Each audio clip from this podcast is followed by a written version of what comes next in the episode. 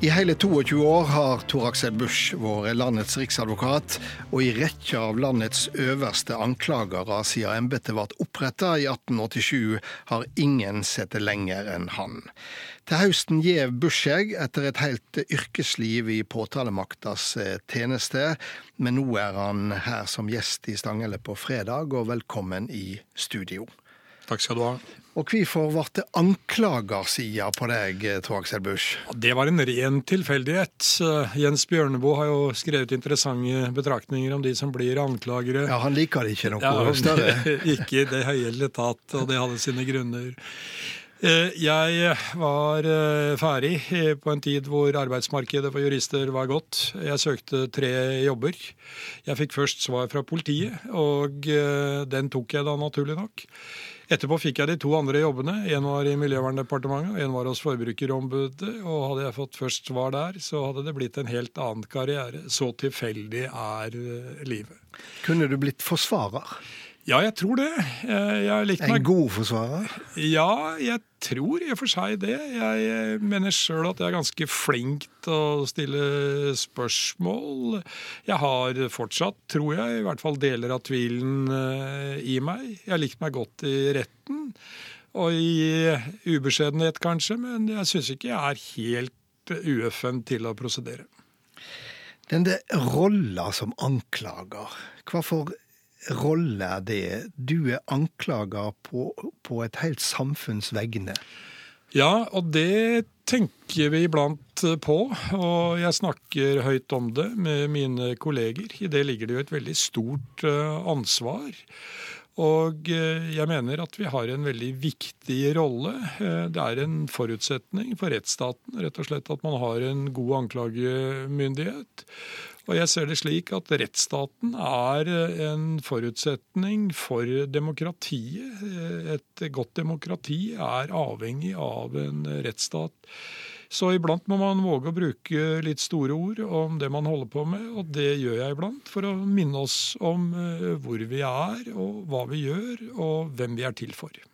En kan jo kaste blikk på samfunn der eh, anklagersida ikke fungerer som en del av et rettssamfunn, for å bli minnet på det.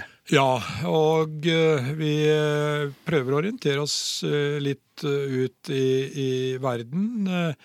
Vi har hatt et eh, møte nå hvor eh, en eh, tyrkisk dommer, en tidligere dommer, har vært og gitt en tankefull beretning om sitt liv og sine erfaringer. Vi skal faktisk ikke så langt ut i Europa for å se helt andre regimer, og ikke minst hvor påtalemyndigheten er politisert i høy grad, og hvor presset er mot domstolene. Og når presset er mot domstolene for å ikke være uavhengig, så kan man jo bare ane hvordan det er med påtalemyndigheten der. Ja, for denne uavhengigheten eh, som en riksadvokat skal ha i forhold til politiske Norge, i forhold til regjeringsapparatet, eh, det er av de tingene som er en forutsetning for, for en rettsstat. Ja, og den har jeg virkelig prøvd å hegne om. Jeg har prøvd også å utvikle den. Det ligger et lovforslag på bordet nå som jeg håper eh, blir eh, gjennomført, hvor man ytterligere understreker eh, Riksadvokatens uavhengighet, altså påtalemyndighetens uavhengighet. Vi har jo hatt en rekke saker i vårt land hvor jeg tror man skal prise seg veldig glad for at det ikke engang er en mulighet for at justisministeren kan gripe inn i vårt virke. Vi har hatt saker hvor det har vært eh, reist anklager eller anmeldelser mot statsministre, det har vært mot statsråder, det har vært mot familie til statsråder. Det har vært saker som har eh, politiske implikasjoner i høyeste grad. Og en uavhengig påtalemyndighet og et uavhengig domstolsvesen og gode forsvarere, det er da viktige forutsetninger på ulike måter. Ja, og nesten alle som hører på oss, eh, de vet jo at det er ei sånn pågående sak, fordi at det var tatt ut eh, eh, en siktelse mot kona til en sittende justisminister, eh, noe som førte til at han gikk av for kort tid siden. Eh, er det det mest spesielle eh, dømet vi har hatt? Gamle folk husker jo forholdsvis godt det som skjedde for lenge siden. Altså husker man eh, det som er forholdsvis nært Eh, forhåpentligvis. Eh, og Sånn sett så er det jo lett at de siste sakene gir eh, størst inntrykk. Men det er jo klart, dette var veldig dramatisk. Vi hadde møte med PST, og mitt lakmusspørsmål var i og for seg hva ville vi gjort hvis dette var hvermannsen? Jo, da ville man pågrepet vedkommende og ransaket boligen. Og da ble jo fort eh, den samstemmige konklusjonen da må vi gjøre det her.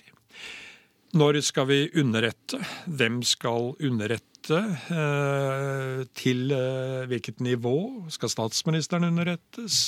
Skal justisministeren underrettes? Så vi valgte jo å pågripe vedkommende og gi underretninger etterpå. Jeg tror at eh, det var en klok eh, fremgangsmåte, slik at man kunne se at det ikke engang var praktisk mulig å forspille det man ønsket, eh, nemlig muligheten for å finne bevis. Nå vet vi ikke hvor den saka ender, men bare for å være klar på det. altså Statsministeren ble underretta etter at kona til justisministeren faktisk var pågrepet? Det er riktig. Man eh, ringte til departementsråden i Justisdepartementet eh, og sa fra etter at den faktiske pågripelsen var foretatt og ransakingen i full gang. Og det var det, viktig for oss. Er dette en prosedyre som kan gå inn i ei lærebok for påtalemessig uavhengighet? Jeg mener det at uh, den kan det. Og det er jo ikke bare at du er uavhengig, men du må også legge forholdene til rette slik at det ser ut som om du er uavhengig. Og ikke minst i det vurderingsperspektivet så tenker jeg at det var uh, klokt å ta det etterpå. Jeg mener å huske at en programleder ikke langt unna sa noe i retning at dette var vel noe av det eneste man kunne glede seg over ved den saken. Ja, det tror jeg faktisk er riktig at, eh, at jeg skrev den, den gangen. For det, ellers er det ikke mye å glede seg over i denne type saker, og det gjelder vel mange av de sakene du har jobba med, Tor Busch? Det gjør det, og jeg er veldig glad for at du understreker, og la meg gjenta det, at den konkrete saken vi snakker om, den er en illustrasjon av uavhengigheten, og så vet vi ikke riktig hvor den ender. Den er under etterforskning. Resultater av tekniske undersøkelser bl.a. avventes.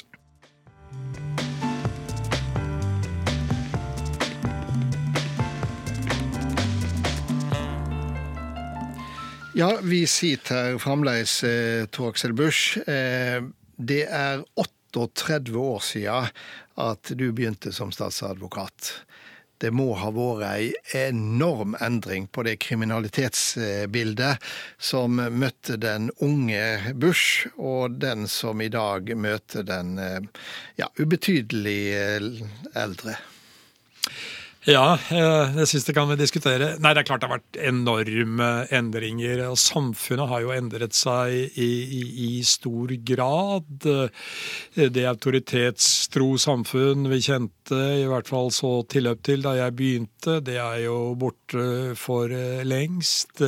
Vi har jo innslag av organisert kriminalitet som vi ikke hadde på langt nær.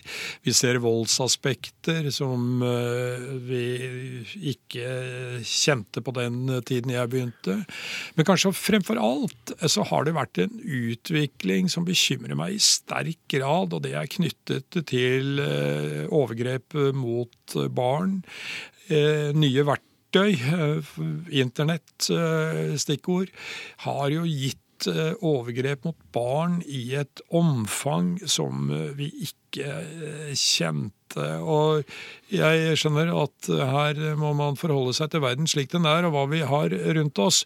Men eh, det som nok eh, hvor samfunnet i og for seg var disiplinerende for folk som hadde trekk vi ikke helt ligger, og tilbøyeligheter vi ikke liker å tenke på. To tastetrykk nå, så er de inne i en gjeng med det samme, og de utveksler materiale som man ikke skulle tro kunne finnes.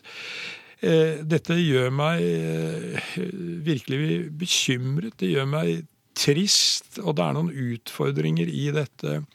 Vi har jo nå saker, en mor som kommer og anmelder og sier at sønnen på ti kommuniserer med Hege på 15. Jeg tror ikke Hege er 15.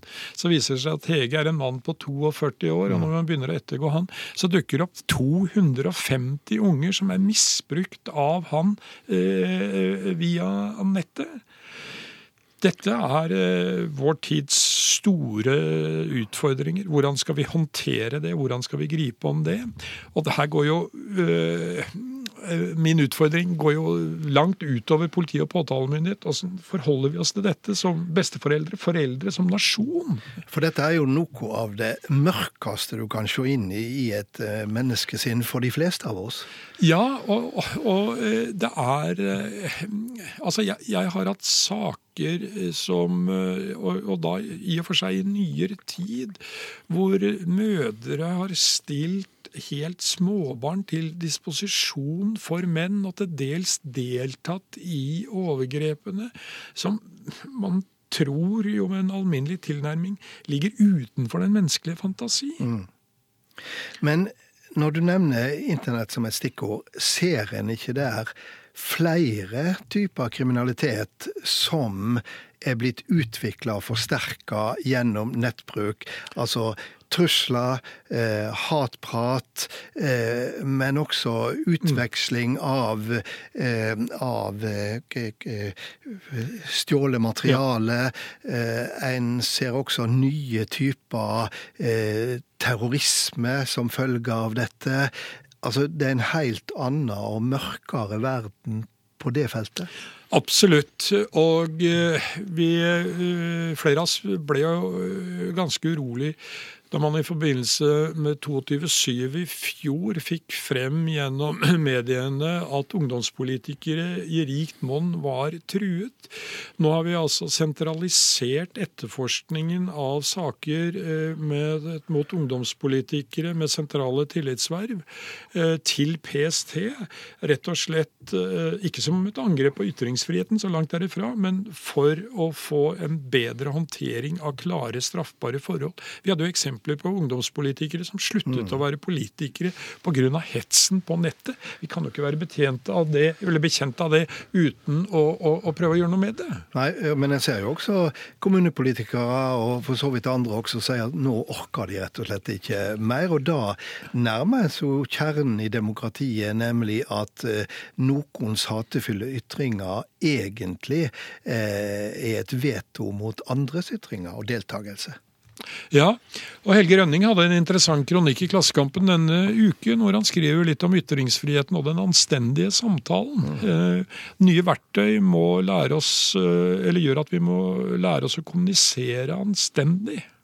Samtidig, eh, hvis vi nå er inne i det pessimistiske hjørnet en stund til eh, altså En av gjengkriminalitet, som du så vidt var inne på. Eh, fra vårt naboland Sverige og delvis Danmark så snakker en om no go-sone, der politiet ikke tør gå inn. Eh, vi hadde tilløp i fjor høst og i vinter til bilbranner i eh, Oslo. Angrep på politiet. Eh, er vi, eller kan vi komme til å miste kontrollen? Vi kan eh, komme dit. Erfaringene fra Sverige er rett og slett uh, skremmende. De har en oppklaringsprosent i det de kaller dødelige skytninger i kriminelle miljø. Så har de en oppklaringsprosent som ligger ned mot 20. Det betyr jo, som man skjønner, at av fem drap så går fire fri. Og det er ikke bare én gjerningsmann i hver av de fire drapene. Det er jo ofte en gruppe gruppe av mennesker mm. som står bak. Og Da blir det jo en kalkulert eh, risiko. Det finnes grupper på sju mann i Sverige som etterforsker 130 uoppklarte drap. De kommer ikke til å klare å, å få oppklart uh, noen, antageligvis. Men tilbake til Norge. Ja, og de erfaringene skremmer. Eh, derfor har vi vært veldig opptatt av at vi ikke skal ha noe av det no go-soner. Vi skal vise styrke og tilstrekkelig kapasitet, og vi skal ha den høye oppklaringsprosenten vi har. Den eh, må vi verdsette. Derfor har jeg vært veldig opptatt av at etterforskning ikke blir nå en eh, stemoderlig behandling for en stemoderlig behandling i politiet i forbindelse med krav til økt beredskap, til responstid, uniformert tjeneste. Vi må ha en troverdig etterforskning, og det har jeg brukt mye tid og krefter på, og mener at vi har kontroll i den andre enden, hva har gleda deg mest i de 22 åra du har vært riksadvokat? Når man har jobbet med saker, eh, straffbare forhold av de aller alvorligste sorten gjennom så lang tid, så er det jo egentlig lite å glede seg over. Eh, det må være tillatt å si. Men, Men du, har, du, har, jo egentlig et lyst sinn på bunnen, ja, har du ikke det? jo, heldigvis. Ellers så tror jeg dette hadde gått dårlig. Eh, personlig, mener jeg. Men, men nei, det er, det er klart man skal jo ikke glede seg over at andre blir dømt, men når vi har en Kristoffer-sak som var henlagt eh, flere ganger, når vi går inn uh, Det var guttungen som uh, ble bokstavelig talt slått til døde innenfor heimens fire vegger. Ja, og når den uh, endte med en uh, domfellelse, så mener jeg vi hadde gjort noe bra. Jeg har sagt, og våger å gjenta det, at hadde det ikke vært for vårt kontor, så tror jeg ikke denne Kristoffer-saken hadde vært allemannseie blant uh, de som hører på ditt program. Det ligger jo en form for glede i det, å bidra til at uh, 'justice be done', som uh, det heter på et annet uh, språk. Så, men, men jeg har jo også gledet meg over flotte kolleger. Viktigheten av å, å, gjøre en jobb som man er avhengig av. Jeg syns vi har fått til en god del. Jeg, jeg, jeg ser meg tilbake med en viss grad av stolthet. Jeg våger å si det. Det er tid for alt, eh, heter det, også for tida som riksadvokat. Eh, tusen takk for at du kom eh, hit, Aksel Busch. Takk skal du ha.